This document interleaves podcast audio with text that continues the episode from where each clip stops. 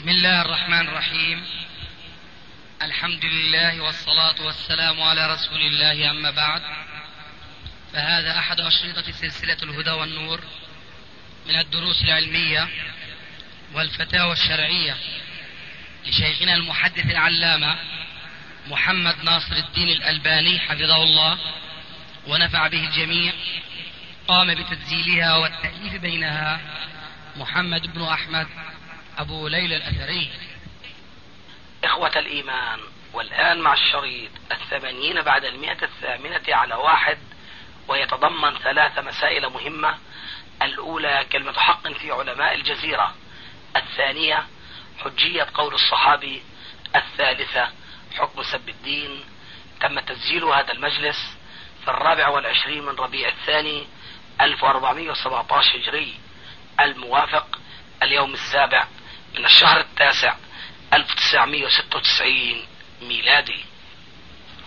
الحمد لله والصلاة والسلام على رسول الله وعلى آله وصحبه ومن والاه. أما بعد فهذا مجلس آخر من مجالس شيخنا العلامة محمد ناصر الدين الألباني سدده الله تعالى. فيه إجابات على أسئلة وجهها إليه الأخ الشيخ عبد الله بن صالح العبيلان.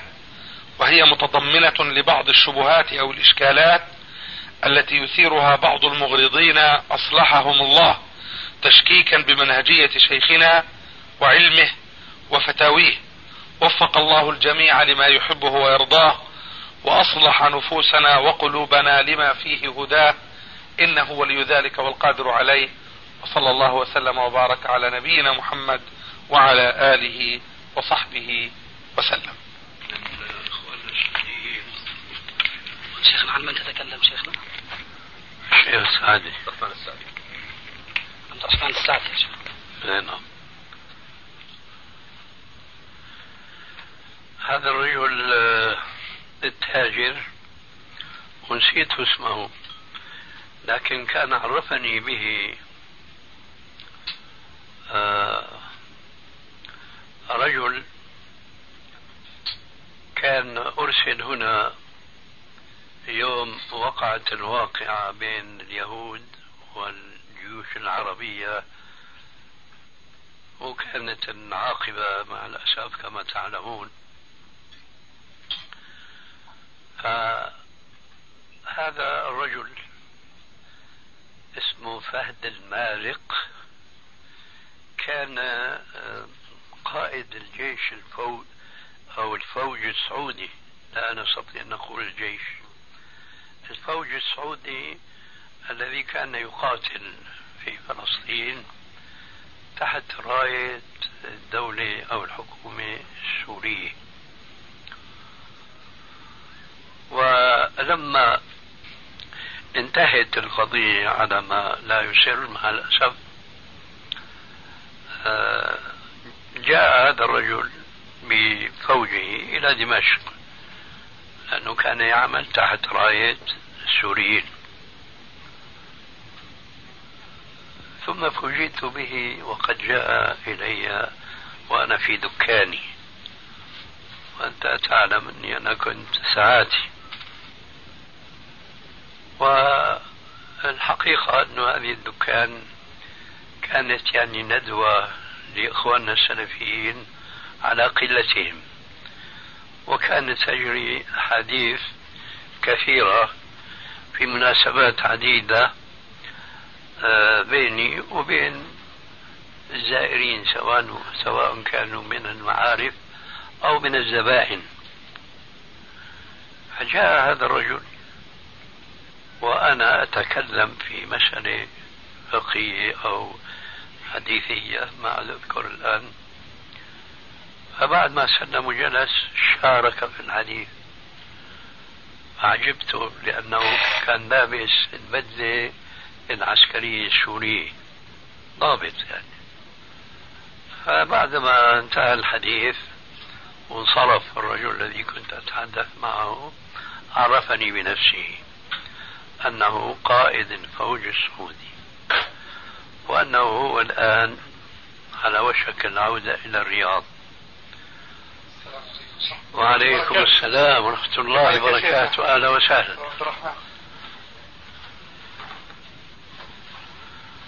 وأنه يريد أن يستصحب لهم مرشدا والقصة طويلة وما أن فيها. وفعلا أنا لأول مرة ذهبت إلى الرياض بطريق البر ولقينا فيها الألاقي ومن بها الحديث. هذا الرجل عرفني بذاك التاجر وكان له محل في منطقة اسمها عندنا في سوريا الحريقة لأن الفرنسيون حينما ثار السوريون عليهم ضربوها بالمدافع فاحترقت. ثم جددوا بنيانها واتخذ هذا الأخ التاجر السعودي فيها محلا كمركز لتجارته. هذا فهد عرفني به. ذات يوم هذا يتصل بي هاتفيا. وكان عندي الحمد لله هاتف في الدكان. بيقول عندنا الشيخ سعدي وهو يريد أن يلقاك ويتعرف عليك. أنا سأرعت إلى الرجل وتعرفت عليه وسررت بلقائه جدا لأني عرفت منه أحسن مما أعرف من سائر النجديين فنحن نعرف عنهم الحمد لله الكلمة الأساس كما يقولون اليوم التوحيد لكن من جانب آخر كما تعلم. أما هذا فقد جمع الأمرين. فكان يعني لقاؤنا مع بعضنا البعض يعني آه، مسرورا جدا من الطرفين. وأنست منه الحقيقة علما ورشدا وإلى آخره. فلذلك أنا مسرور منه من يوم لقائه ثم من تفسيره المعروف اليوم والمتداول. قسمت المنهج الذي ندعو الناس إليه كان واضحا عليه. اي نعم عن الشيخ تأثر كثيرا بالشيخين ما شاء الله. مع شيخه إبراهيم محمد الجاسر الشيخين شيخ الإسلام ابن تيمية وابن القيم. بلا شك يعني أنا أقول كل سلف على وجه الأرض فله لهذين الشيخين عليهم المنة ولا شك يعني. ونسأل الله أن يجزيهم خير الجزاء لحظة شوي. بسم الله الرحمن الرحيم. الحمد لله رب العالمين والصلاة والسلام على نبينا ورسولنا محمد وعلى آله وصحبه أجمعين. آه، صاحب الفضيلة آه، الشيخ محمد ناصر الدين الألباني سلمه الله. نعم. هذا الكلام سلمك الله يا شيخ يجرنا إلى موضوع آخر. نعم. وهو موضوع قديم. جرى من الصحابة ومن بعدهم وهو خلاف أهل العلم.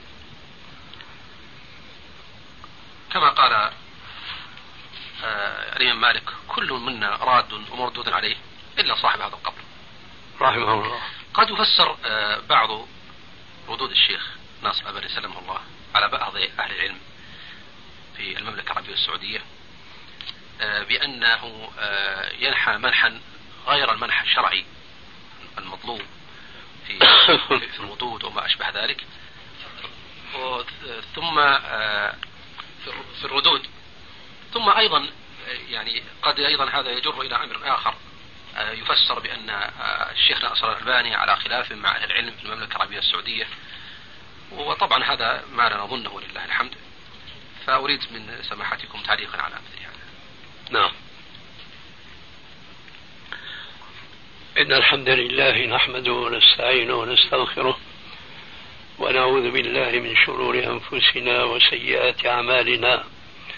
من يهده الله فلا مضل له ومن يضلل فلا هادي له. وأشهد أن لا إله إلا الله وحده لا شريك له. وأشهد أن محمدا عبده ورسوله. أما بعد نحن والحمد لله مع كل العلماء حيثما كانوا وفيما وفي أي أرض عاشوا ممن يتبنون منهجنا القائم على اتباع الكتاب والسنة وعلى ما كان عليه سلفنا الصالح. وأعتقد أن البلاد السعودية إلى الآن لا يزال الكثيرون من أهل العلم فيهم على هذا المنهج متأثرين بما تأثرنا نحن مثلهم بدعوة شيخ الإسلام بحق أحمد ابن تيمية رحمه الله ثم تلميذه ابن القيم الجوزية ثم بمن سار على منهجهم وسلك سبيلهم كالشيخ محمد بن عبد الوهاب الذي كان له الفضل الأول بإحياء دعوة التوحيد في بلاد نجد أولا وبتفصيل دقيق حتى لمسناه في الصغار قبل الكبار هناك. كما أنه أسس لدعوة اتباع السنة وعدم إيثار أي مذهب من مذاهب أهل السنة الأربعة على الكتاب والسنة وإن كنت أعتقد أن ما كان فيه من الاجتهاد للدعوة لدعوة التوحيد أولا في تلك البلاد التي كانت تشبه بلاد مصر من حيث انتشار الشركيات والوثنيات فيها أعتقد أنه لم تتح له الفرصة لتوسيع دائرة الدعوة إلى الكتاب والسنة و وجعل الكتاب والسنة فقها يمشي على وجه الأرض كما وفق في مثل ذلك فيما يتعلق بالتوحيد. ولكن على كل حال كان له الفضل الثالث بعد الشيخين المشار إليهما ابن تيمية وابن قيم الجوزية في اعتقادي بإحيائه منهج الشيخين في العالم النجدي أولا ثم في العالم الإسلامي ثانيا. آه، له الفضل في عصره في نشر هذه الدعوة المباركة وقد التزمها كثير من العلماء ليس في نجد فقط ثم الحجاز التي تليها بل وفي سائر العالم الإسلامي في الهند والباكستان وفي بلاد أخرى. وإن كان مع الأسف لا تزال كثير من البلاد الأعجمية لم يشموا بعد رائحة الدعوة السلفية إلا لماما في هذا العصر الحاضر وفي بعض تلك البلاد. أقول هذا اعترافا بفضل هؤلاء الشيوخ أولا وبيانا لما أدين الله به ثانيا. وأعتقد أن العلماء في نجد هم غالبهم نشأوا على مذهب الإمام أحمد بن حنبل. وأجد فرقا كبيرا جدا بين هؤلاء العلماء الذين يتبنون المذهب الحنبلي مذهبا وبين حنابلة آخرين يعيشون في بلاد أخرى غير البلاد السعودية لنقولها باللفظة الاصطلاحية المعاصرة. فإنهم لا فرق بين هؤلاء الحنابلة. الذين يعيشون خارج البلاد السعودية وبين أصحاب المذاهب الأخرى من حيث جمودهم على مذهبهم وعدم خروجهم عنه قيد شعرة بخلاف العلماء الحنابلة في نجد فهم متأثرون إلى حد كبير بدعوة الشيوخ المشار إليهم آنفا. لكني أقول كلمة حق. هؤلاء الشيوخ ليسوا سواء فمنهم من يغلب عليهم اتباع الكتاب والسنة. وقلما يفتون بالمذهب إلا إذا لم يتبين له خلافه. أما آه، الجمهور منهم فهم حنابلة لكن لما كان مذهب الإمام أحمد أولا أقرب المذاهب إلى السنة. وثانيا لما كان هذا المذهب روعي من علماء قديما وحديثا يتبنون منهجنا منهج الكتاب والسنة آه، خفت وطئة التعصب المذهبي الحنبلي في البلاد السعودية بخلاف البلاد الأخرى التي نحن نعرفها. فهناك مثلا آه، في في الناحية الشرقية من دمشق بعض القرى كلها حنابلة مثل ضمير ورحيبة ودير عطية ونحو ذلك.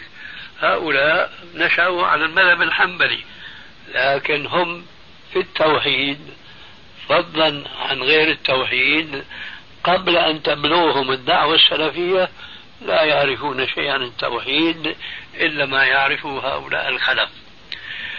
أما الحنابلة في نجد ففرق بينهم وبين أولئك تماما. ولذلك أنا كما أقول بغير هذه المناسبة أتمنى أن يكون أصحاب المذاهب الأخرى في البلاد الإسلامية الأخرى على مذهب الإمام أحمد لسببين اثنين. الأول لأن الإمام هو نفسه إمام السنة والسبب الآخر أن مذهبه الآن آه، يصان ويحفظ بالسنة إلى حد كبير وكبير جدا. ثم أعود لأجيب عن خلافي مع بعض المشايخ هناك في السعودية. أنا لا أجد فرقا آه، في مثل هذا الخلاف بيني وبين مشايخ هناك أو في أي بلد آخر ولو كانوا من دمشق مثلا فضلا عن أن يكونوا ألبانيين مثلي. لا فرق عندي أن أخالف سعوديا نجديا حجازيا مصريا دمشقيا أو إلى آخره. ذلك آه، أولا كما كنا تكلمنا في مناسبة أخرى أن الخلاف أمر طبيعي جدا وله أسبابه المعروفة التي شرحها ابن تيمية رحمه الله في رسالته المعروفة بإعلام إيش؟ الملام؟ رفع الملام عن الأئمة الأعلام آه فلهذا السبب لا رغبة أن أخالف بعض العلماء من أي بلد كانوا لأن هذا هو الأمر الطبيعي وكما أشرت في مطلع سؤالك إلى كلمة الإمام مالك رحمه الله الذي قال ما منا من أحد إلا رد ورد عليه إلا صاحب هذا القبر. لكن أقول آه، كلمة آه، كلمة صريحة. قد يكون أحيانا مني بعض الكلمات يجدها بعض من يقرأها ولم يقرأ كلام المردود مني عليه ولو قراءة إمعان يجدها فيها شيء من الشدة أو القسوة.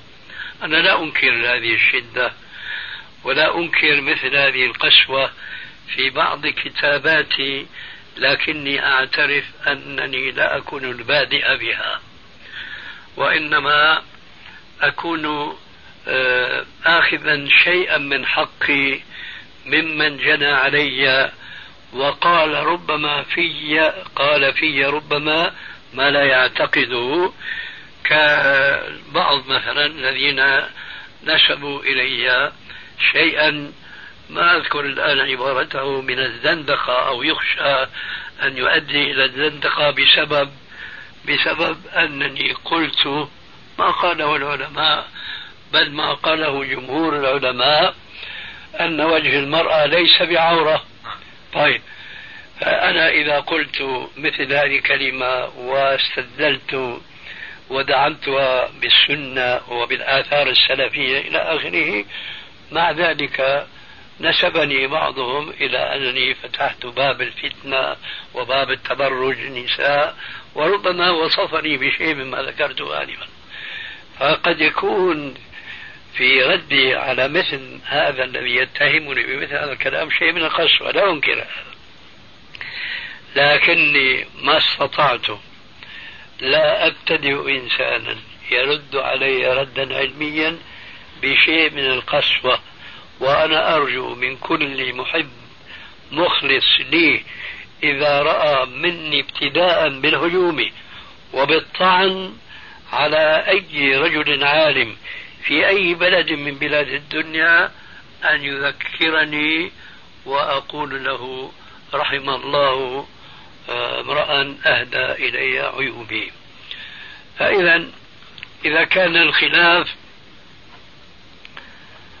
إذا كان الخلاف أمرا طبيعيا فيكون أيضا من الطبيعي جدا أنا أن أخالف بعض العلماء هناك أو هنا. لكني أحمد الله أن الخلاف كما يقولون وإن كنت لا أؤيد هذا التعبير الخلاف في الفروع وليس في الأصول. أي نعم. يعني الخلاف في بعض المسائل الفقهية.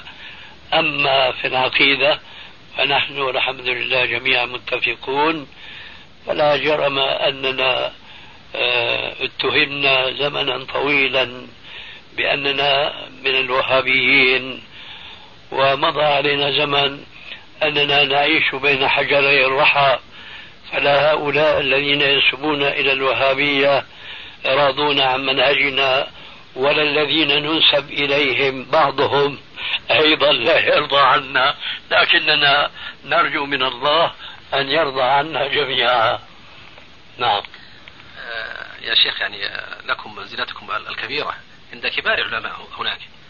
كسماحة الشيخ عبد العزيز والشيخ محمد العثيمين. الشيخ محمد العثيمين في في رمضان لما كان يوزع آه، جوائز على الطلاب حينما يسأل الطلاب بأسئلة فيجيبون كان يوزع عليهم بعض أشرطكم. فقال مرة ومن الجوائز أشرطة محدث الشام بل نقول محدث العصر الشيخ ناصر الألباني. جزاه الله خير. والشيخ هكذا الشيخ عبد العزيز باز يعرفون فضلكم لا أحد ينكر هذا سلام هذا حسن ظن منه جزاه الله خير. وهكذا أهل العلم وكل منصف لا شك. الحمد لله. وعلى كل الخلاف قد يجري مثلا بين أهل العلم في البلد الواحد هو كذلك. في نجد أو في غيرها. لكن أنا أقول ينبغي في مثل هذه الأمور إحسان الظن بالمؤمن والمسلم. هذا هو الواجب. نعم. نسأل الله أن يجعلنا منهم. آمين. والحقيقة في الختام ما يسعنا إلا أن يعني نشكر سماحتكم على سعة صدركم. لنا.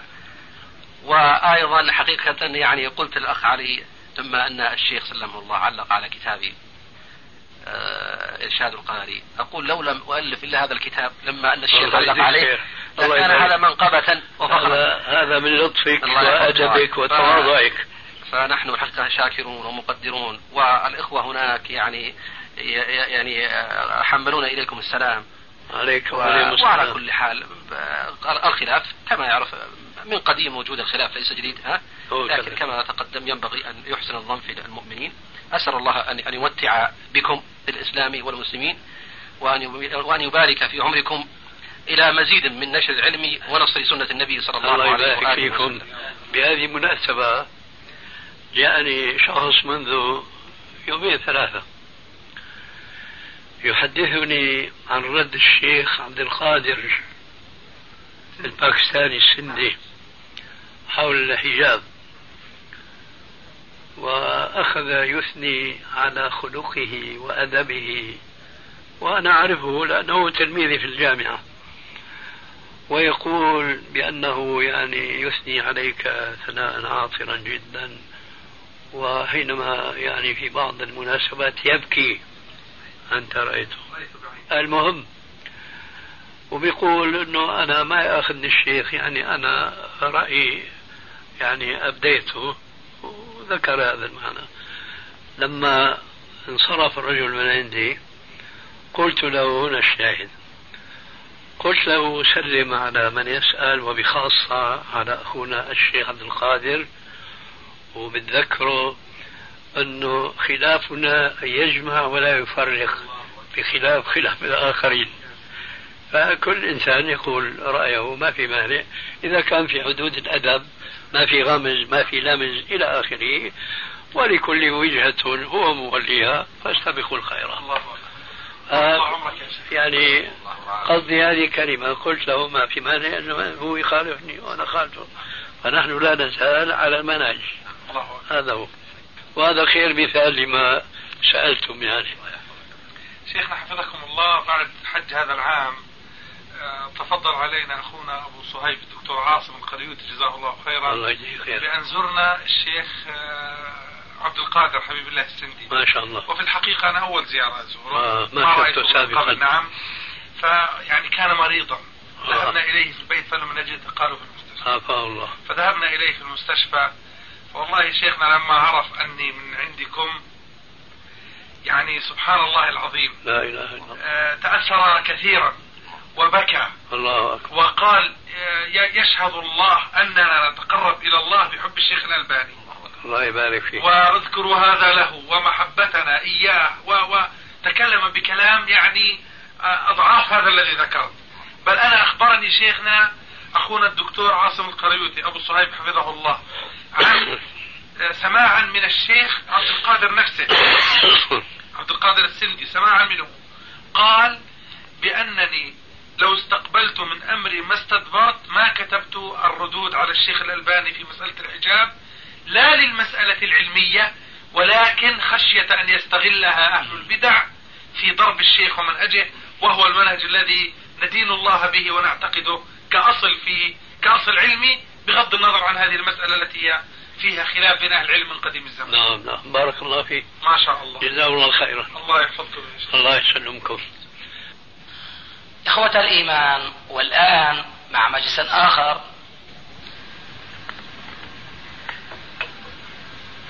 نعم فالسؤال يا شيخ الآن وهذا حقيقة أنا أتمناه من الله جل جلاله يعني أن يقوم به فضيلتكم آه يعني دعوت في آه السنين الكثيرة الماضية إلى لزوم هدي النبي صلى الله عليه وسلم في العقيدة وفي العبادة وفي الأخلاق والسلوك وأيضا لم تكتفوا بهذا بل دعوت إلى أنه لا يمكن للمسلمين أن يفهموا كلام النبي كلام الله سبحانه وتعالى وكلام النبي صلى الله عليه وسلم إلا من خلال فهم صحابة النبي صلى الله عليه وسلم. فكما أنهم نقلوا لنا ألفاظ القرآن والسنة فكذلك نقلوا لنا معاني القرآن والسنة.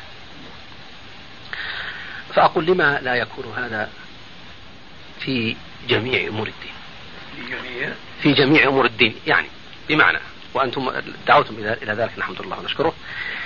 بمعنى أن كل ما ثبت عن أحد من أصحاب النبي من النبي صلى الله عليه وآله وسلم قولا أو فعلا يكون له حكم ما ثبت عن النبي صلى الله عليه وآله وسلم على الخلاف المعروف فيما إذا اشتهر قول الصحابي أو لم يشتهر.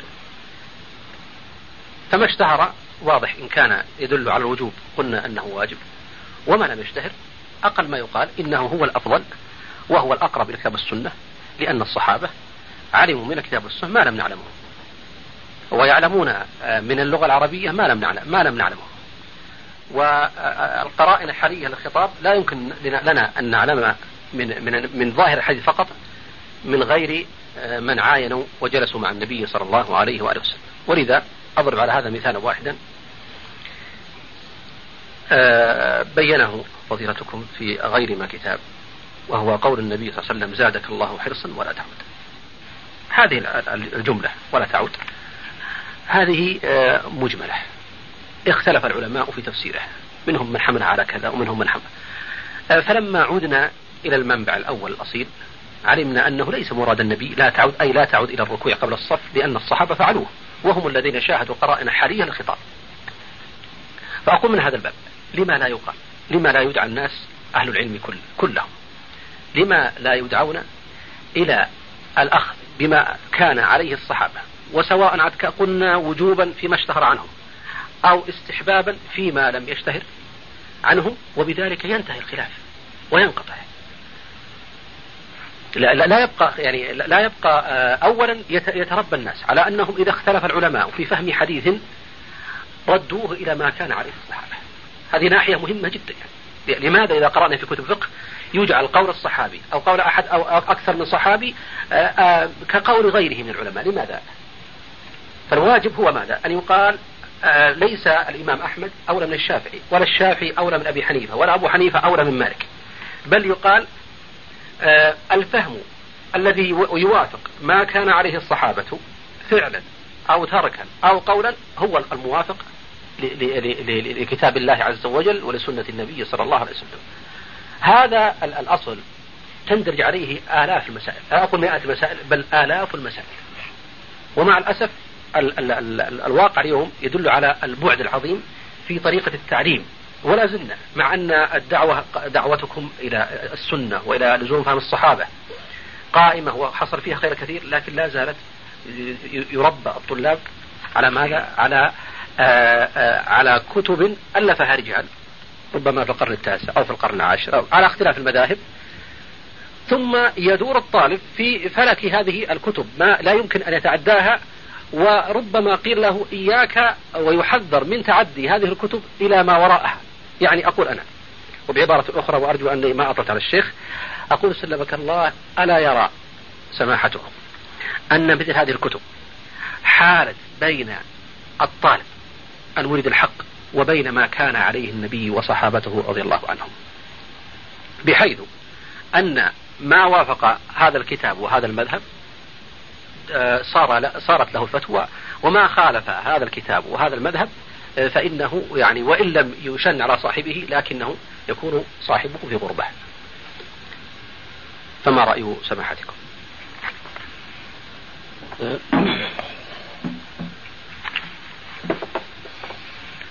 أقول إن الحمد لله نحمده ونستعينه ونستغفره ونعوذ بالله من شرور أنفسنا وسيئات أعمالنا من يهدي الله فلا مضل له ومن يضلل فلا هادي له وأشهد أن لا إله إلا الله وحده لا شريك له وأشهد أن محمدا عبده ورسوله.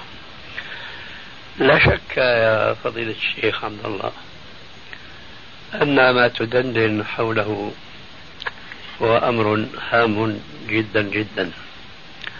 وهو أن يعود المسلمون إلى فهم كتاب ربهم وسنة نبيهم صلى الله عليه وآله وسلم على ما كان عليه آه، سلفنا الصالح وبخاصة منهم أصحاب النبي صلى الله عليه وآله وسلم. للسبب الذي ذكرته ولبعض الأمثلة التي ذكرتها. لكن الذي أراه والله أعلم أن القضاء على الخلاف أمر مستحيل أمر مستحيل.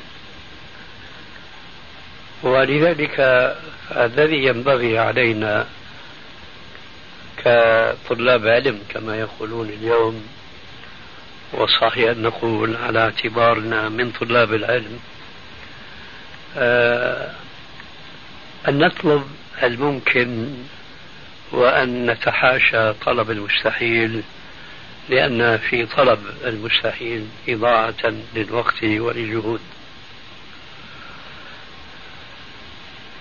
لا يمكن الاتفاق والقضاء على الخلاف لسببين اثنين. السبب الأول ما نص عليه في كتاب الله عز وجل في مثل قوله تبارك وتعالى ولو شاء ربك لجعل الناس أمة واحدة ولا يزالون مختلفين إلا من رحم ربك. والشيء الآخر أن الواقع ينبئنا بأن الاتفاق هذا أمر غير ممكن لأنه لو كان أمرا ممكنا لكان السلف الأول أولى بهذا الأمر الممكن والجميل جدا جدا. وإن لم يكن فلن يكون فيما بعد وهم القرون المشهود لهم الخيرية. إذا كان الأمر كذلك وهذه في اعتقادي نقطة اتفاق ليس فيها أي اختلاف. علينا أولا إذا علينا أولا أن نسعى لاتخاذ الوسائل العلمية الممكنة والتي تساعد على القضاء على هذا الاختلاف. ولست أشك معك بأن ما أشرت إليه من الكتب سواء كانت كتبا في علم أصول الفقه أو في فروع الفقه أنها صدت الجماهير من طلاب العلم إن لم أقل من العلماء أنفسهم عن اتباع الكتاب والسنة وعلى منهج السلف الصالح. لا أشك في هذا أبدا ولكن ماذا نفعل؟ قد كان ما قد خفت أن يكون إنا إلى الله راجعون. فهذه كتب موجودة الآن علينا إذا أن نحاول آه، صرف الطلاب والعلماء الذين أشرت إليهم بالأدلة الشرعية التي آه، تقنع من كان مخلصا منهم. من كان مخلصا منهم بوجوب الرجوع إلى فهم الكتاب والسنة على منهج السلف الصالح. وأنا وضعت هنا كلمة من كان مخلصا منهم لأشير أيضا أن وجود هذا الإخلاص وعدمه هو من أسباب استمرار الخلاف. هو من أسباب استمرار الخلاف. فلو كان ذاك المستحيل ممكنا وجعلناه واقعا لما خلصنا أيضا من الخلاف بسبب وجود هذه الآفة. آفة الظهور وآفة المخالفة وإلى آخره. لذلك نحن ما علينا باختصار إلا أن نتخذ الأسباب التي تساعد ذوي الإخلاص على الرجوع إلى هذا الفهم الصحيح الذي ألمحت إليه ونحن معك فيه. ولقد لاحظت في كلامك شيئا مهما ودقيقا وهو التفريق بين ما كان من أقوال الصحابة مشهورا بينهم وبين ما لم يكن كذلك. فنعطي للقسم الأول من هذه الأقوال ما لا نعطي للقسم الآخر؟ فنلزم الجماهير من هؤلاء المخلصين بالخضوع لقول أولئك الصحابة الذي قالوه واشتهر, واشتهر من بينهم وعلى ما فصلت من دلالة ذلك القول على الحكم الشرعي وجوبا استحبابا تحريما كراهة إلى آخره. فإذا بقي عندنا القول الآخر الذي وردنا عن صحابي ولم يشتهر ذلك الاشتهار. هنا الآن ينبغي أن نقف قليلا. أنا لمحت من تواعي في كلامك أنك ترى أن لا نعامل هذا النوع من آثار الصحابة معاملتنا للنوع الأول من آثار الصحابة. وهذا ما كنت ذكرته لك في حديث عارض جرى بيني وبينك في عهد قريب. آه، وضربت لك مثلا بالنسبة لحديث نهى رسول الله صلى الله عليه وآله وسلم عن الشرب قائما فقيل لأنس فلا أكل؟ قال الأكل شر. أنا شخصيا ألحق حكم الأكل بالشرب فلا أجيد الأكل قائما لكني لا أقطع به بخلاف الشرب قائما فأقطع به ولا أريد أن أعيد البحث الذي لابد أنك على ذكر منه. آه فإذا كان المراد الآن من هذا البحث هو البقاء عند هذا التفريق الظاهر وأنا لا أرى من الحق سواه.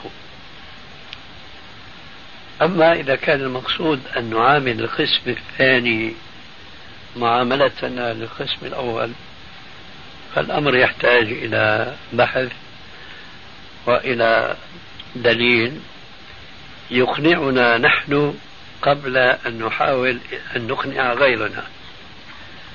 فإذا كان عندك شيء حول هذا فنريد أن نستفيده منكم. وإلا فالموضوع عندي منتهي تماما. كما قلت قول الصحابي رأي الصحابي خير من رأي فلان وعلان هذا بلا شك لكن هل عندنا في الشرع ما يلزمنا بالأخذ به ولو لم يكن مشهورا بين الصحابة؟ هذا هو نقطة البحث. تفضل. حفظك الله من باب إتمام آه، أو تكميل ما سبق قبل الانتقال إلى ما تفضلتم به أخيرا. آه، قد يسأل أو قد يسأل سائل أو يقول قائل ما هو الضابط بين الشهرة وغيرها؟ بلى.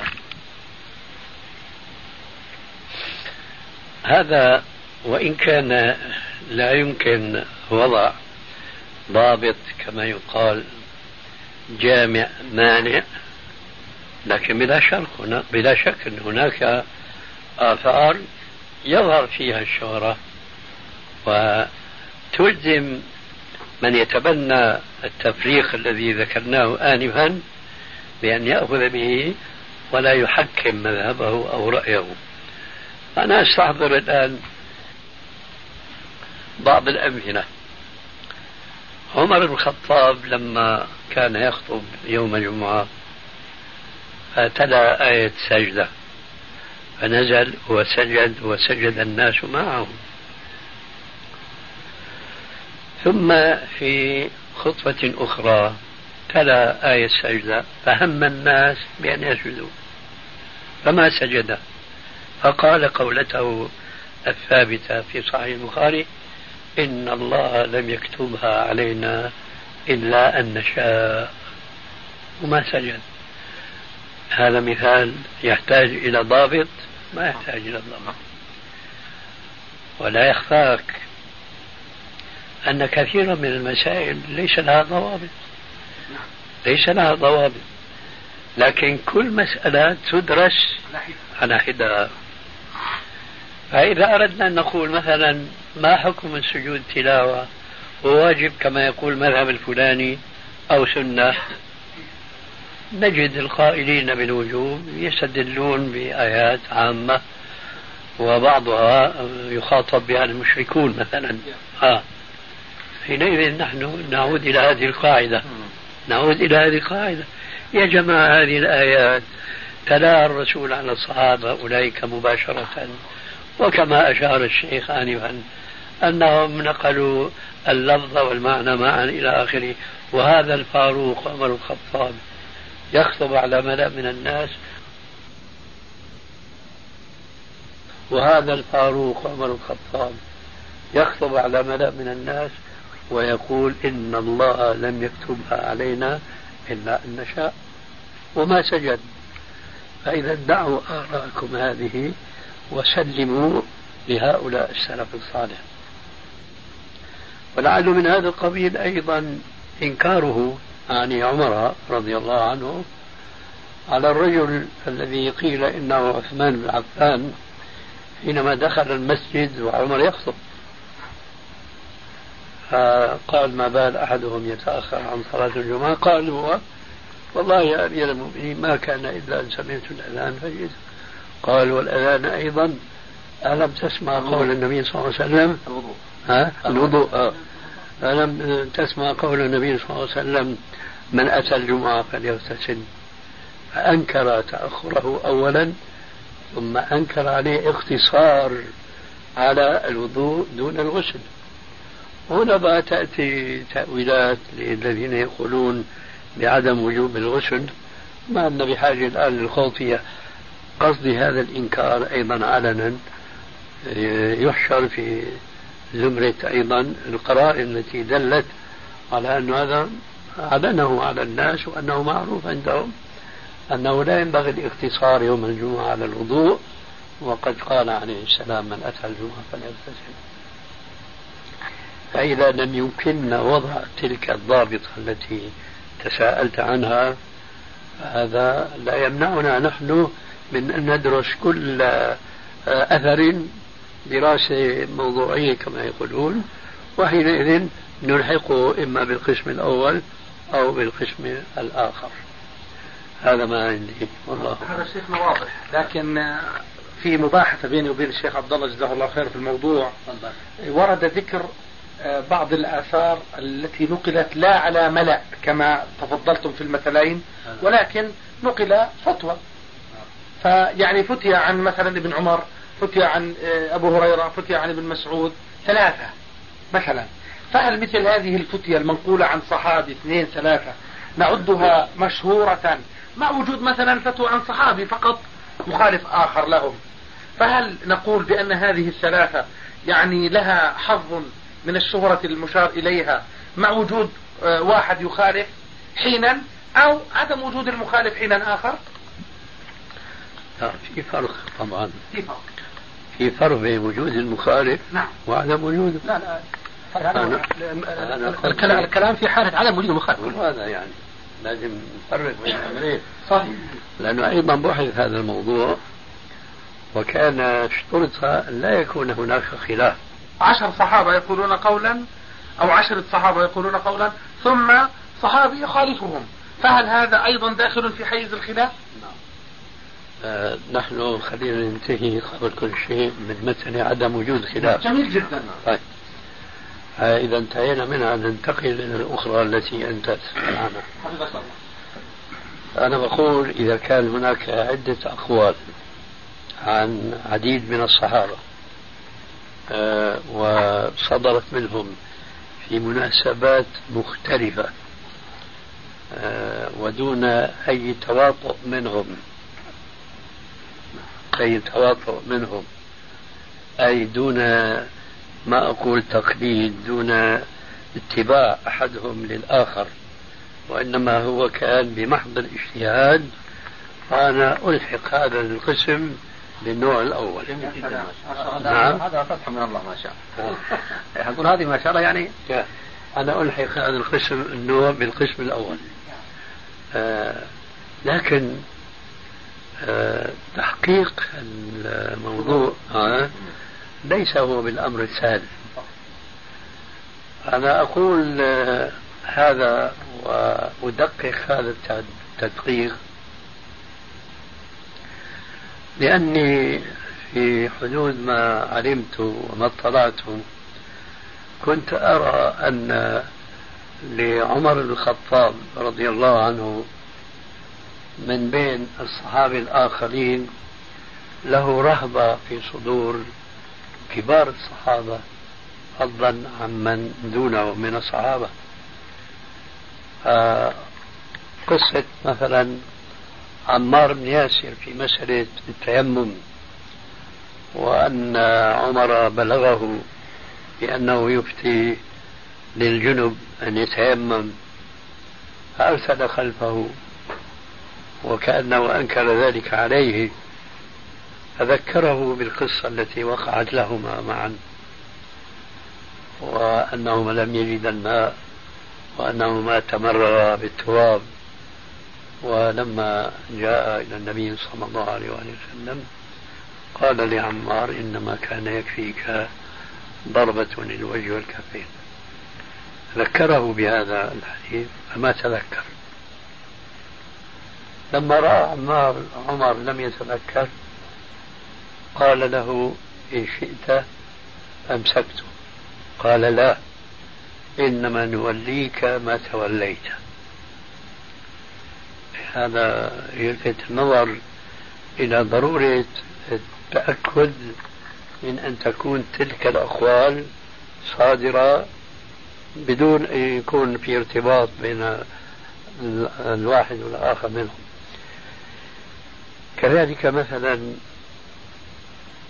لما جاء أبو موسى ما أدري أين كان وهو يفتي بمدة الحج قيل له هذا أمير المؤمنين عمر الخطاب آه، ينهى عن مدة الحج.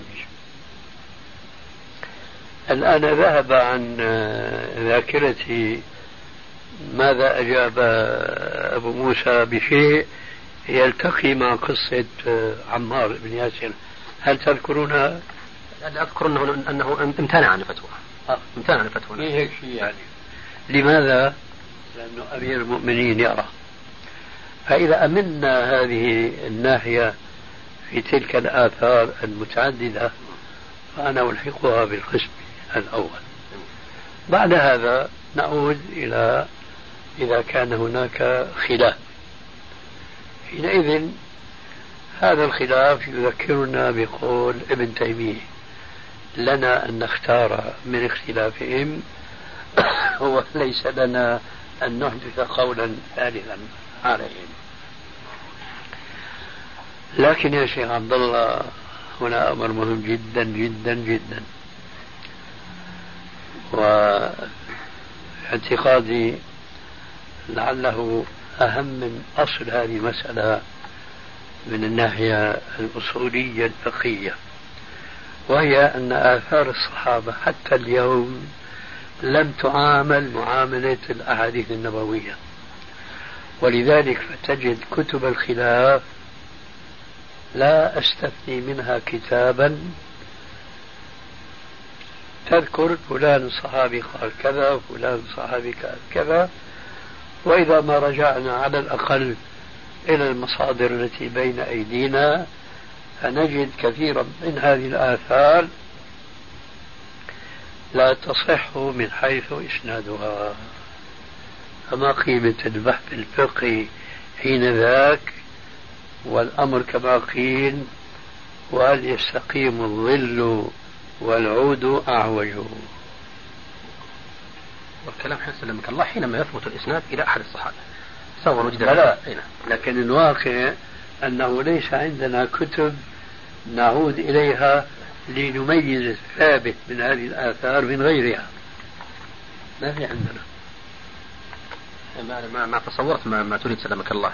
إن كان مثلا يعني وجود كتب اعتنت بجمع آثار الصحابة هذا موجود. ليس بالجمع. آه. والأسانيد. مثل عبد ليس بالجمع وإنما بالتصحيح والتضعيف. يعني جرى عمل جماهير العلماء على أن يتساهلوا في رواية الآثار بخلاف ما جرى عليهم عملهم في الحديث النبوي. فنحن حينئذ إذا ما أردنا أن نطبق القاعدة وموقفنا الذي أراه معتدلا في آثار الصحابة هذا ينبغي أن نعامل آثار الصحابة من حيث البحث في صحتها كما نعامل الأحاديث النبوية. لكن هذا البحث لا يساعد جماهير العلماء فضلا أن يساعد جماهير طلاب العلم ما دام أن هؤلاء لا يستطيعون أن يميزوا الصحيح من الآثار من ضعيفها. يعني لو نحن أقنعنا الناس بهذا الذي نحن مقتنعون الآن من التفريق بين آثار وآثار لكن من الناحية العملية لا يستطيعون أن يطبقوها لأنهم سيعودون مثلا إلى فتح الباري سيعودون إلى آه نيل الأوطار الشوكاني. يحصل هناك أقوال كثيرة وكثيرة جدا أنه ثبت أو جاء عن الصحابة أو روي عن الصحابة إلى آخره. لكن جربنا في كثير من هذه الآثار لما نعود إلى المصنفات التي أشرتم إليها آنفا نجدها مراسيل أو معاضيل أو فيها مجاهيل أو نحو ذلك بحيث لا يصح حين ذاك أن نعتبر مثل هذه الآثار مساعدا لتأويل النص إلى ما ذهب إليه بعض العلماء الذين يحتجون بهذه الآثار. فإذا ضم إلى تساؤلك واقتراحك أيضا العناية بدراسة هذه الآثار يتم الموضوع حينذاك ويفيد الناس وينقذهم من إخلالهم بالمبدأ الذي اتفقنا عليه بناء على النصوص الشرعية وهو وجوب الرجوع إلى ما كان عليه سلفنا الصالح أنا يعني يتوج سماحتكم هذا المجهود العظيم خلال النصف قرن أو أكثر من نصف قرن بي بي بي بي لو بشيء من اليسير يعني نموذج يسير عليه طلاب العلم في في هذا الباب. يعني افعل ماذا؟ يعني لو تحقق يعني جملة ولو ليست كبيرة من اثار الصحابة حتى كما سار طلاب العلم على نهجكم في الحديث يسيروا كذلك على نهجكم في اثار الصحابة. طيب ما في شيء في كتبي في من تعلمون؟ لا في فيه الكثير فيه الكثير. وقصده يعني مثلا باب معين من أبواب الفقه التحرير أقوال الصحابة فيه. نعم. تحرير اقوال الصحابة. لو في باب واحد حتى يختبى حذاؤه. نعم. على كل حال أسأل الله عز وجل أن يوفقني لما تقترحونه ويجعل فيه الخير الكثير إن شاء الله. أنا الحقيقة أنا عندي سؤال لكني أخشى أن أطيل عليك وأنت يعني صوتك. إن أعطيتني وقتا آخر في في وقت فأنا أقول لعل الليلة يكفينا هذا الحديث. ما دام بشرتني بالوقت الآخر أي شكر الله. طمأتني فيك. الله يحفظك. شكر الله لك جزاك الله خير يا شيخ وإياكم الله يحفظك أهلا وسهلا الله يحفظك. شكر الله لك. ونفع بعلمك جزاكم الله خيرا. وفيكم إن شاء الله. جزاك الله خير يا شيخ. وإياكم إخوة الإيمان والآن مع مجلس آخر بسم الله الرحمن الرحيم. الحمد لله رب العالمين. والصلاة والسلام على نبينا ورسولنا محمد وعلى آله وصحبه أجمعين. صاحب الفضيلة الشيخ محمد ناصر الدين الألباني سلمه الله. في لقاء سابق معكم قبل ثلاث سنوات سئلتم عن بعض السفهاء الذين يستهزئون بالدين وربما سبوا الدين. فكان جواب سماحتكم أن مثل هؤلاء يؤدبون ويضربون أصوات. ثم بعد ذلك ينتهى عن يعني يتركون ولا يحكم عليهم بشيء. فهذه المسألة حقيقة يعني فهمت من بعض الناس فهما لا يريده الشيخ ناصر سلام الله. بحيث أنهم ظنوا أن الشيخ يطلق أن الاستهزاء مثلا بالدين أو سب الدين أو سب النبي ليس كفرا. فأريد من الشيخ سلمه الله توضيح هذا. وإن أذن للشيخ قبل الجواب أن أقرأ شيئا يسيرا من فتاوى الشيخ محمد إبراهيم العلامة الشيخ محمد إبراهيم مفتي الديار السعودية رحمه الله. حول يعني سؤال سئل الشيخ حول هذه المسألة فأجاب. إذا شئت تفضل. قال من بسم الله الرحمن الرحيم محمد بن إبراهيم إلى فضيلة مساعد قاضي محكمة سالطة السلام عليكم ورحمة الله وبركاته. فقد جرى اطلاع على خطابكم رقم وتاريخ كذا وكذا بخصوص مسألة معوض بن فلان وما صدر منه من لعنه دين محمد بن المهدي وما قررتموه في حقه من جلده عشرة أصوات تعزيرا واستتابته ثم توبته واستغفاره وطلبكم منا الإحاطة بذلك. ونفيدكم. أن سب أن سبه دين محمد بن المهدي والحال أن محمد المهدي مسلم. هو سب للدين الإسلامي. وسب الدين كما لا يخفى عليكم ارتداد والعياذ بالله. وعليه فيلزمكم علاوة على ما أجريتم إحضار المذكور. وأمره بالاغتسال. ثم نطق بالشهادتين. وتجديد التوبة بعد إخباره بشروطها الثلاثة. من الإقلاع عن موجب, الإثم والندم على صدوره منه والعزم على عدم العودة إليه. ونظرا لما ذكرتم لما ذكرته عنه من أنه جاهل بمدلول ما صدر منه. فيكتفى بما قررتموه عليه تعزيرا. وفقكم الله. والسلام عليكم. مفتي الديار السعودية. آه، إن أذنت لي أيضا فتوى أخرى. تفضل. تفضل. آه،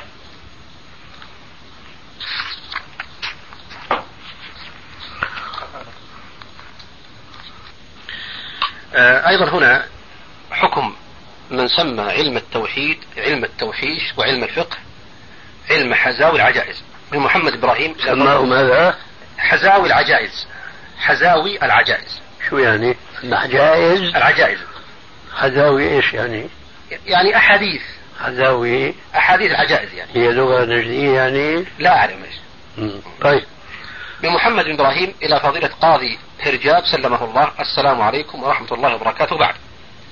فقد وصل آه، إلينا كتابك رقم كذا وكذا وتاريخ كذا وكذا الذي ذكرت فيه حالة بعض الشباب من تلاميذ المدارس وأنهم يسمون علم التوحيد علم التوحيش ويسمون علم الفقه علم حزاوي العجائز وتسأل عن حكم هؤلاء.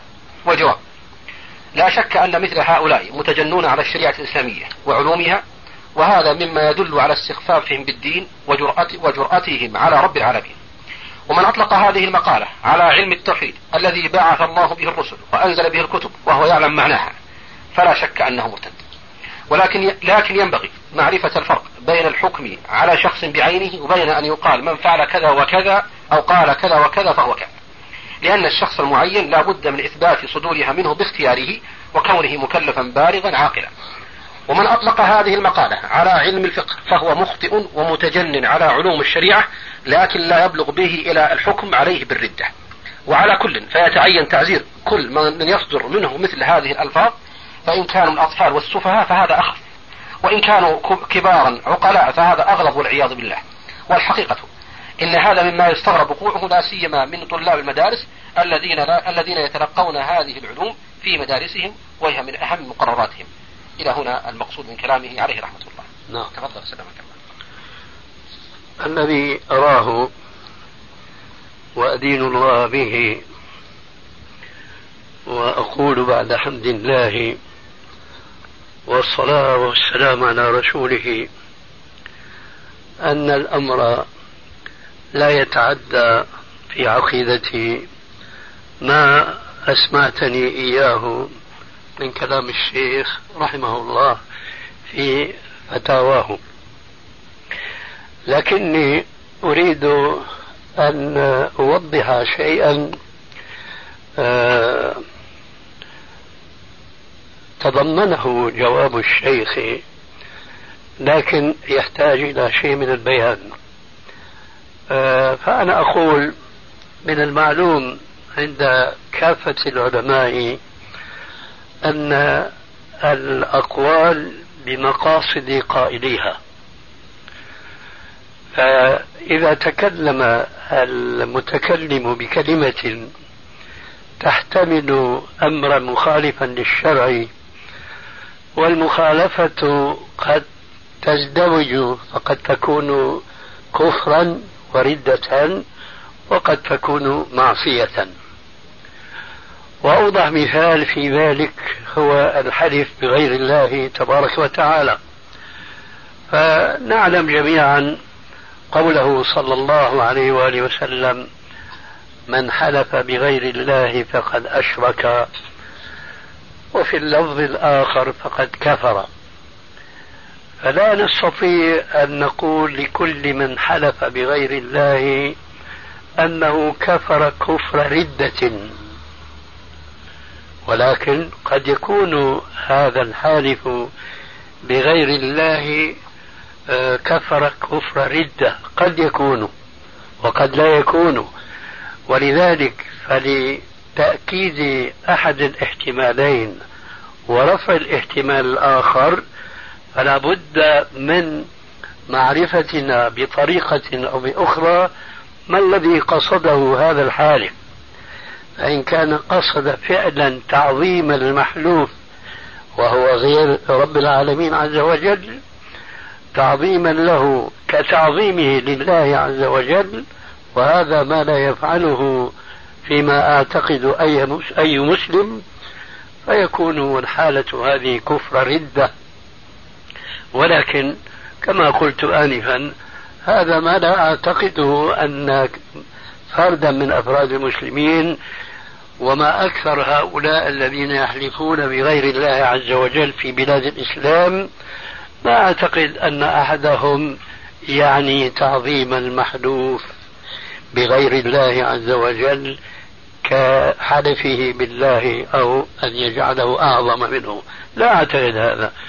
ولذلك نرى كثيرا من هؤلاء المسلمين الذين غلبت عليهم هذه العادة عادة الحلف بالآباء والأنبياء والرسل بل وبرأس الرجل وبلحيته وشاربه ونحو ذلك من الأيمان القبيحة إذا ما ذكر وقيل له رسول الله يقول كذا وكذا بادر إلى القول جزاك الله خير وأنا ما كنت أعرف هذا وأستغفر الله.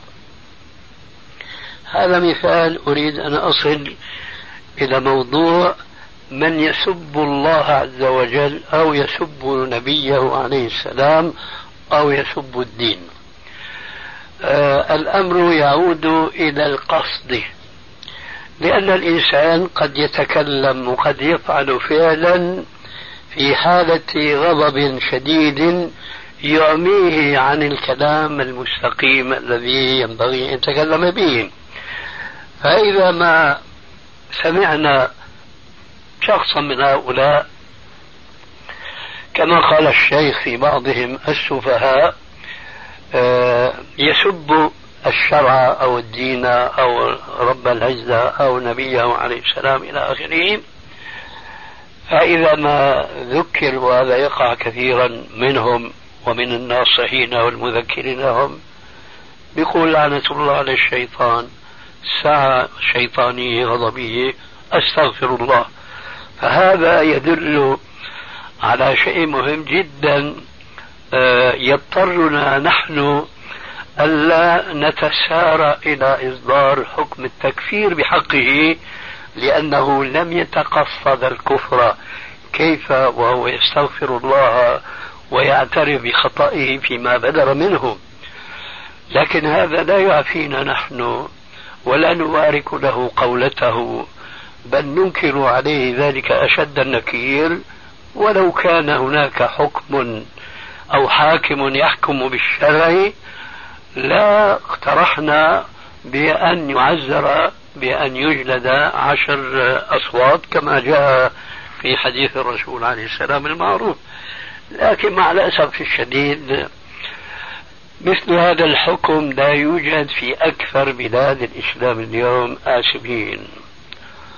ولعل هذا يسوغ لي أن أقول لفقدان مثل هذه الأحكام الشرعية التي نص الشارع الحكيم على فائدتها في مثل قوله تبارك وتعالى في القرآن الكريم ولكم في القصاص حياة يا أولي الألباب عدم قيام الحكام بتنفيذ الأحكام الشرعية هو من أسباب انطلاق ألسنة هؤلاء السفهاء بما لا ينبغي ولا يجوز شرعا أن يتفوهوا به. فخلاصة الكلام أن التكفير أمر صعب جدا كما هو معروف عند أهل العلم. والأحاديث الصحيحة في البخاري غير معروفة في هذا المعنى. لكني أريد أن أذكر فرعا بهذه المناسبة أريد أن أذكر فرعا فقهيا جاء في بعض كتب المذاهب وهذا في الواقع متجاوب تماما مع رهبة تلك الأحاديث التي تحذر المسلم أن يبادر إلى تكفير أخيه المسلم خشية أن لا يكون كافرا فيعود الكفر على المكفر.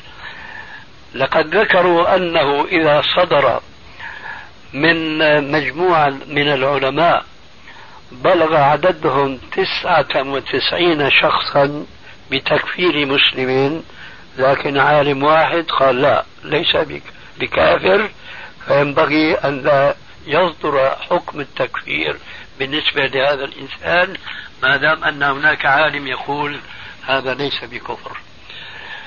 أفهم من هذا أن هؤلاء الذين فرعوا هذا الفرع راعوا خطورة إصدار الكفر بحق الرجل المسلم لا سيما إذا كان معلوما بمحافظته على الأركان الإسلامية ليس فقط على الشهادة بل على الصلاة والصيام وإلى آخره. وكثيرا ما نسمع خلافا ينشب بين الزوجين فتأتي المرأة وتسأل أن زوجي سب كذا. نسأل يصلي بتقول يصلي يصوم يصوم إلى آخره. إذا كيف هذا؟ والله تخاصمت معه وصاح وصحته إلى آخره. إذا هذه السبة إذا صدرت من إنسان في حالة غضب يستتاب ويعزر ويجلد إلى آخره. لكن إذا ما أردنا أن نصدر في حقه التكفير الذي يلازمه الردة لابد أن نسحب اعترافه بما فعل. فإن اعترف فهو ردة ويقتل كما هو معروف في الإسلام. من قوله عليه السلام ما ارتد عن دينه فاقتلوه. أما إذا أتبع كلامه بالإستغفار والتوبة إلى الله عز وجل هذا دليل أنها ثورة غضبية لا نستطيع أن نرتب عليها ما نرتب على الكلام الصادر بقصد وإرادة. وإذا كان الرسول عليه السلام يقول إنما الأعمال بالنيات وهذا لم تكن النية أن يقصد مثلا ما ما سبه مما ذكر آنفا فلا يجوز أن ندينه بكلمته ما دام أن قلبه يخالف كلمته. هذا رأيي في هذا الموضوع. سلمك هل يمكن أن نجمل هذا ونقول مثلا إن آه، شروط التكفير وثلاثة وموانع التكفير ثلاثة. شروطها الأول العلم ويقابله الجهل. مانعه الجهل. نعم.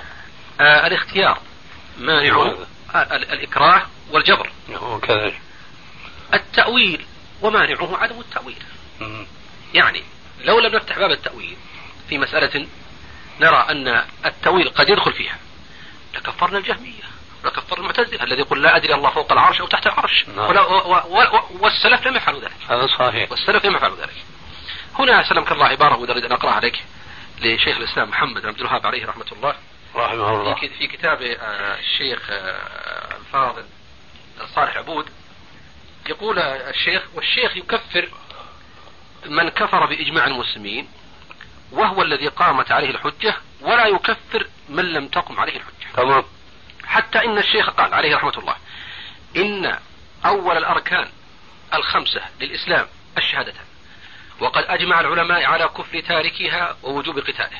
أما الأربعة الباقية فإذا أقر الإنسان بها وتركها تهاونا فالشيخ يقول فنحن وإن قاتلناه على فعلها فلا نكفره بتركها ما شاء الله. لأن العلماء اختلفوا في كفر التارك لها كسلا من غير جحود. ما شاء الله.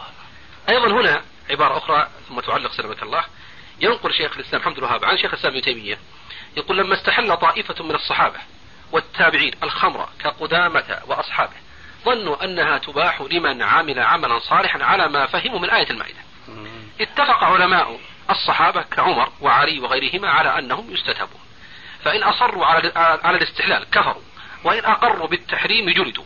فلم يكفروهم بالاستحلال ابتداء لأجل الشبهة حتى يبين لهم الحق فإن أصروا كفروا. ولهذا كنت أقول الجهمية الذي نافوا أن يكون الله أن يكون الله فوق العرش. أنا لو وافقتكم كنت كافرا وأنتم عندي لا تكفرون. لأنكم جهال. ما شاء الله. ونحن نعلم بالضرورة. هذا كلام الشيخ الآن آه، لعله لعله كلام الشيخ عبد الوهاب الباقي الآن. آه، ونحن نعلم بالضرورة أن الرسول صلى الله عليه وسلم لم يشرع لأمته أو لعل هذا كلام شيخ الإسلام لم يشرع لأمته أن يدعو أحدا من الأحياء ولا الأموات ولا الأنبياء ولا غيره. لا بلفظ الاستغاثة ولا بلفظ الاستعاذة ولا غيرهما. كما أنه لم يشرع لهم السجود لميت ولا إلى غير ميت ونحو ذلك. بل نعلم أن نعلم أنه نهى عن ذلك كله. نعم. وأنه من الشرك الذي حرمه الله ورسوله. لكن لغلبة الجهل وقلة العلم بآثار الرسالة في كثير من المتأخرين. لم يكن تكفيرهم بذلك لم يكن تكفيرهم بذلك حتى يبين لهم ما جاء به الرسول صلى الله عليه وآله وسلم. ولهذا ما بينت هذه المسألة قط؟ لا هذا كلام الشيخ الحمد لله. لمن يعرف أصل دين الإسلام إلا تفطن له. وقال هذا أصل آه وقال هذا أصل دين الإسلام وكان بعض أكابر الشيوخ العارفين من أصحابنا يقول هذه أعظم ما بينته ما بينته لنا الله يجزيه الخير. هذا كلام شيخ الإسلام أكيد. كلام شيخ الإسلام نعم. عاد نعم. هنا آه، كلام لشيخ الإسلام محمد الوهاب. لو, لو, لو أذنت لي يا شيخ. تفضل. حينما اتهم بأنه يكفر المسلمين آه. قال وأما الكذب والبهتان فمثل قولهم إنا نكفر بالعموم. جميل. ونوجب الهجرة إلينا على من قدر على من قدر على إظهار دينه. وأن نكفر من لم يكف من لم من لم يكفر ومن لم يقاتل. ومثل هذا وأضعاف أضعافه يعني زعمهم. الله. أنه يكفر من لم يقم عليه الحجة ونحو ذلك يقول الشيخ فكل هذا من الكذب والبهتان الذي يصدون به الناس عن دين الله ورسوله. وإذا لا كنا لا نكفر من عبد الصنم الذي على عبد القادر لعله آه، يعني قصده ما يوضع على القبور من نعم. وإذا كنا لا نكفر من عبد الصنم الذي على عب على عب على عبد القادر والصنم الذي على قبر أحمد البدوي وأمثالهما لأجل جهلهم وعدم من ينبههم فكيف نكفر من لم يشرك بالله إذا لم يهاجر إلينا ولم ولم يكفر ويقاتل؟ سبحانك هذا بهتان بهتان عظيم. سبحان الله هذا كلام عظيم جدا وأنا أقول هذا هو الحق ما به خفاء.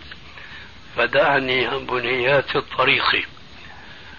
لقد كنا في كثير من المجالس وأخواننا الحاضرين يعرفون هذا. وخاصة هؤلاء النابتة الجديدة التي ديدنها هو تكفير حكام المسلمين وبالتالي المحكومين. يقولون عنا بأننا نكفر الجماهير ولا نكفر الحكام الذين يحكمون بغير ما أنزل الله. آه، حكمنا بالنسبة للحكم بغير ما أنزل الله معروف ولا حاجة للخوض فيه لكن أنا قصدي أن أقول أنا لا أكفر هؤلاء العامة الذين يطوفون حول القبور لغلبة الجهل. بل وقلت ولعل الأخ أبو الحسن يذكر هذا إنني أتعجب من بعض العلماء الذين يقولون بأنه لا يوجد اليوم أهل فترة. أهل فترة.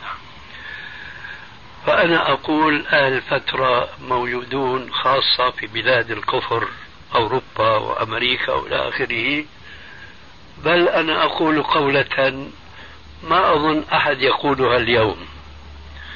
أنا أقول أهل الفترة موجودون بين ظهرانينا.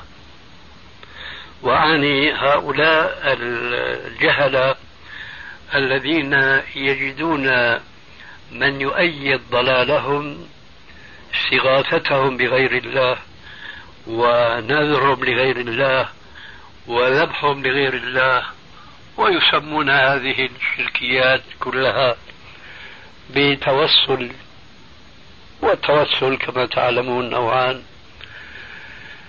فهؤلاء من أين لنا أن نكفرهم؟ وهم لم تبلغهم دعوة الكتاب والسنة.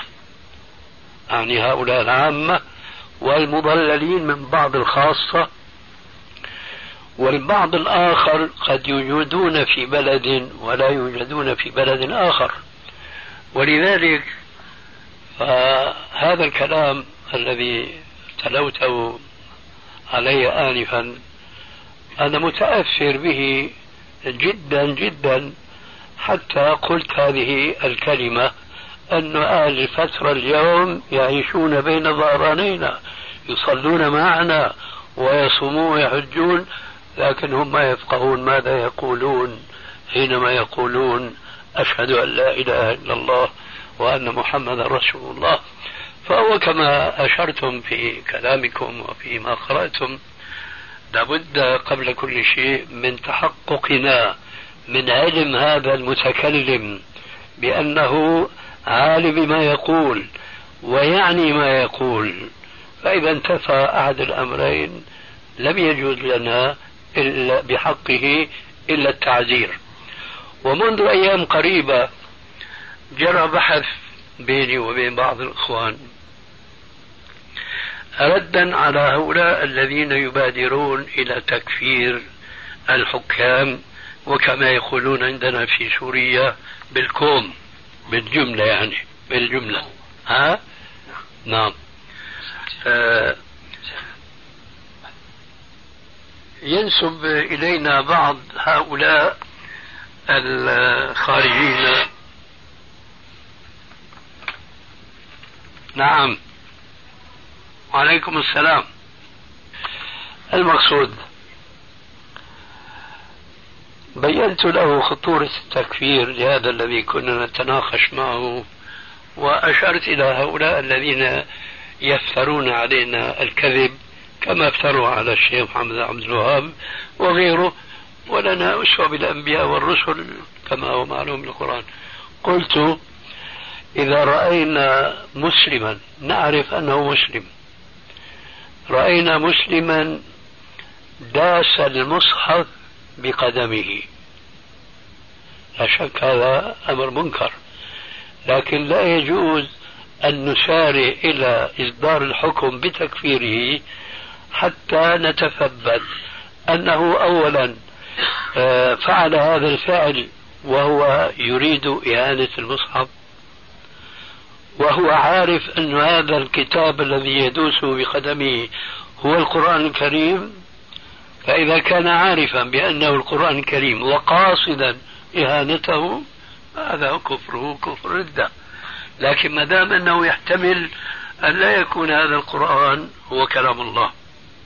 أو هذا الكتاب الذي داسه بختمه يحتمل أنه آه، ليس كتاب الله. ثم مع الاحتمال الآخر يحتمل أنه كتاب الله وهو أراد أن يستهزئ به وأن يهينه فهذا ردة.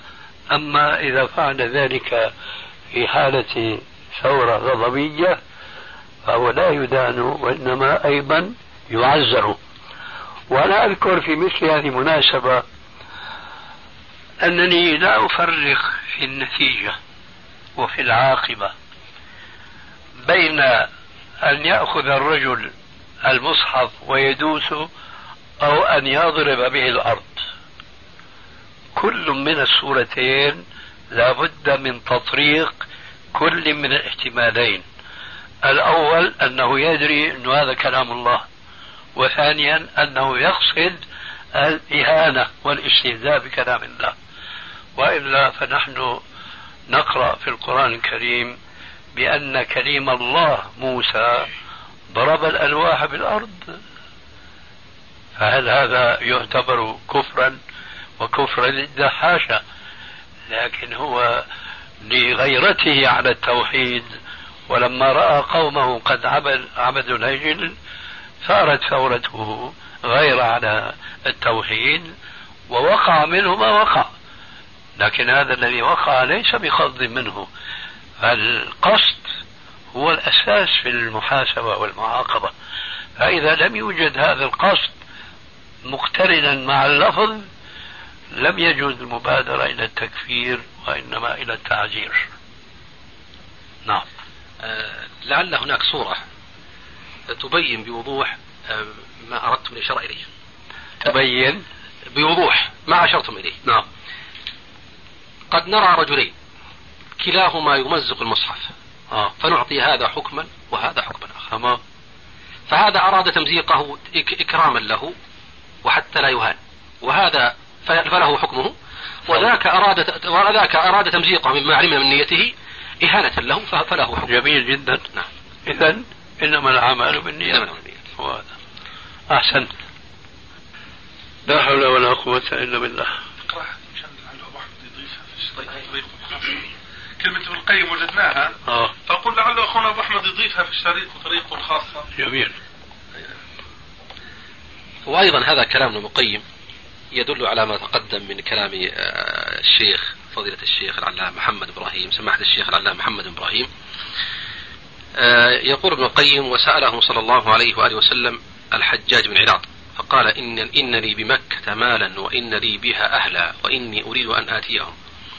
فأنا في حل إن أنا نلت منك أو قلت شيئا فآذن له رسول الله صلى الله عليه وسلم أن يقول ما شاء ذكره أحمد.